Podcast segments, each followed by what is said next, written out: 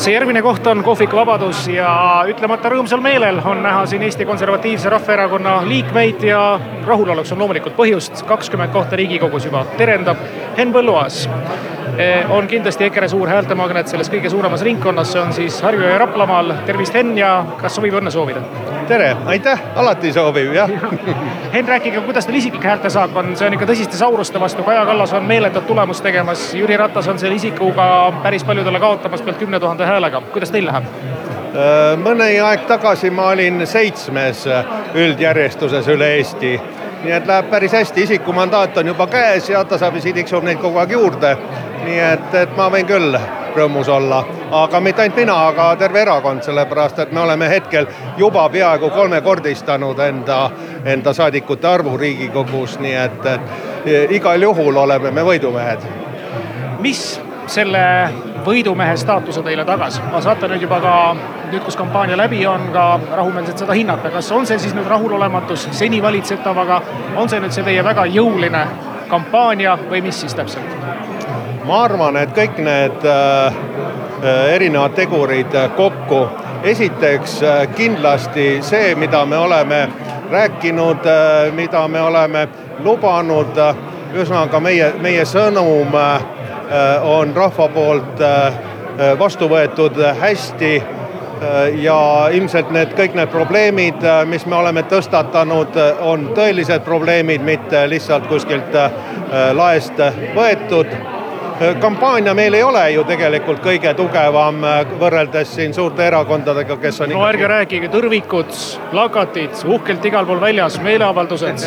no kui me vaatame seda raha, mida sisse pandud on, siis me oleme väga tagasihoidlikud olnud ja tõrviku rongkäik on ju meie poolt algatatud juba kuus aastat tagasi traditsioon, mis tõepoolest väga-väga suure mürinaga on kogu aeg kasvanud ja, ja tänavu aasta oli ju ligi kümme tuhat inimest, mis, mis on tõesti fantastiline. aga ühtegi teist sellist ju rahvapidu vabariigi aastapäeval ei ole kui tõrviku rongkäik ja ja noh, see on olnud tõesti fantastiline, inimeste näod naerul ja, ja hea meel ja, ja kindlasti see ka mõjus Henn, kas ma tohin küsida, kuluaarides räägitakse, kõneldakse, et võib-olla erakonna sees, see on küll suur organisatsioon, selge, et eriarvamusi peab ka olema, aga võib-olla päris kõigile ei meeldi see, et erakonda tuntakse peaasjalikult kahe Helme järgi. Teil on seal teisi isiksusi ka, kes võib-olla ei ole Helmete noh, nii-öelda valitsemisstiiliga rahul, tahaks võib-olla rohkem demokraatiat tuua erakonda sisse, arvamuste erisusi, seal on radikaalsemaid, seal on vähem radikaalsemaid arvamisi. kas see vastab tõele?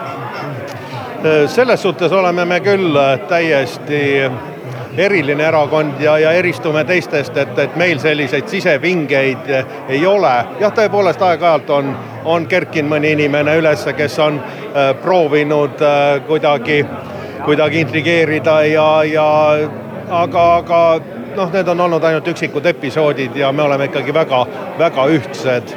et selles suhtes ma ei oskakski ühtegi teist erakonda kõrvale panna, kus, kus oleks tõesti nii hea sisekliima nüüd, kus te saate nii arvestatava hulga kohti Riigikokku, kus on teist raske mööda vaadata, öelge, kuidas nüüd olema saab, kas pigemini otsite teie valitsuskontakte või ootate, et keegi nüüd valimistest teist ettepoole jäänud, on see siis Reformierakond või Keskerakond, tuleb, otsib teid teiega või näitate ise initsiatiivi üles? jah, see on hea küsimus, ma ei oskagi öelda.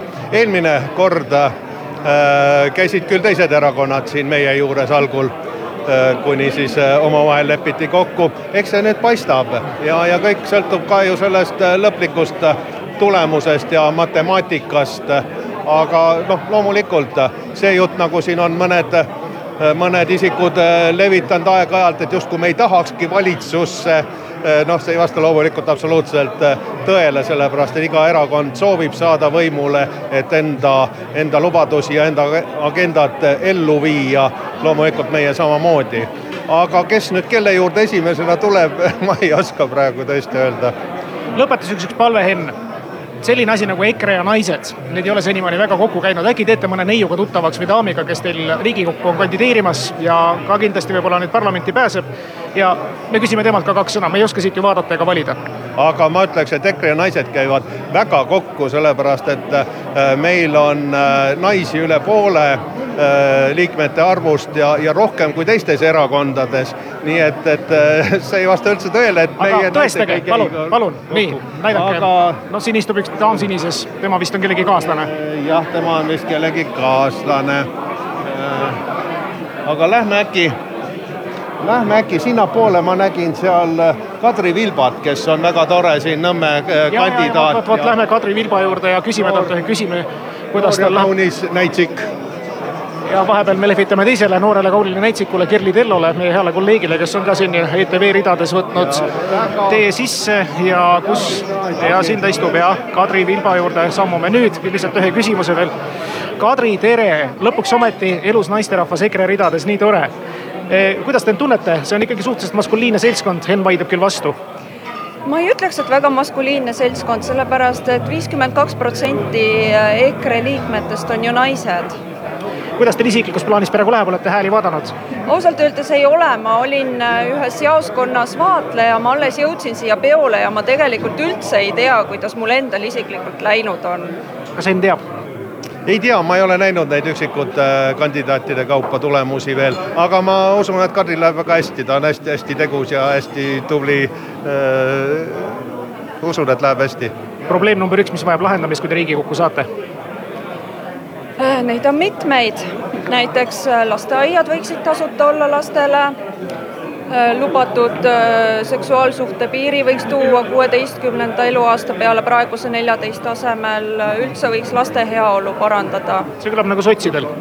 Ma nüüd näitan G-d korra. No,. pigem mitte, sotsid minu teada pooldavad väga seda neljateist eluaasta ma rääkisin lasteaedadest.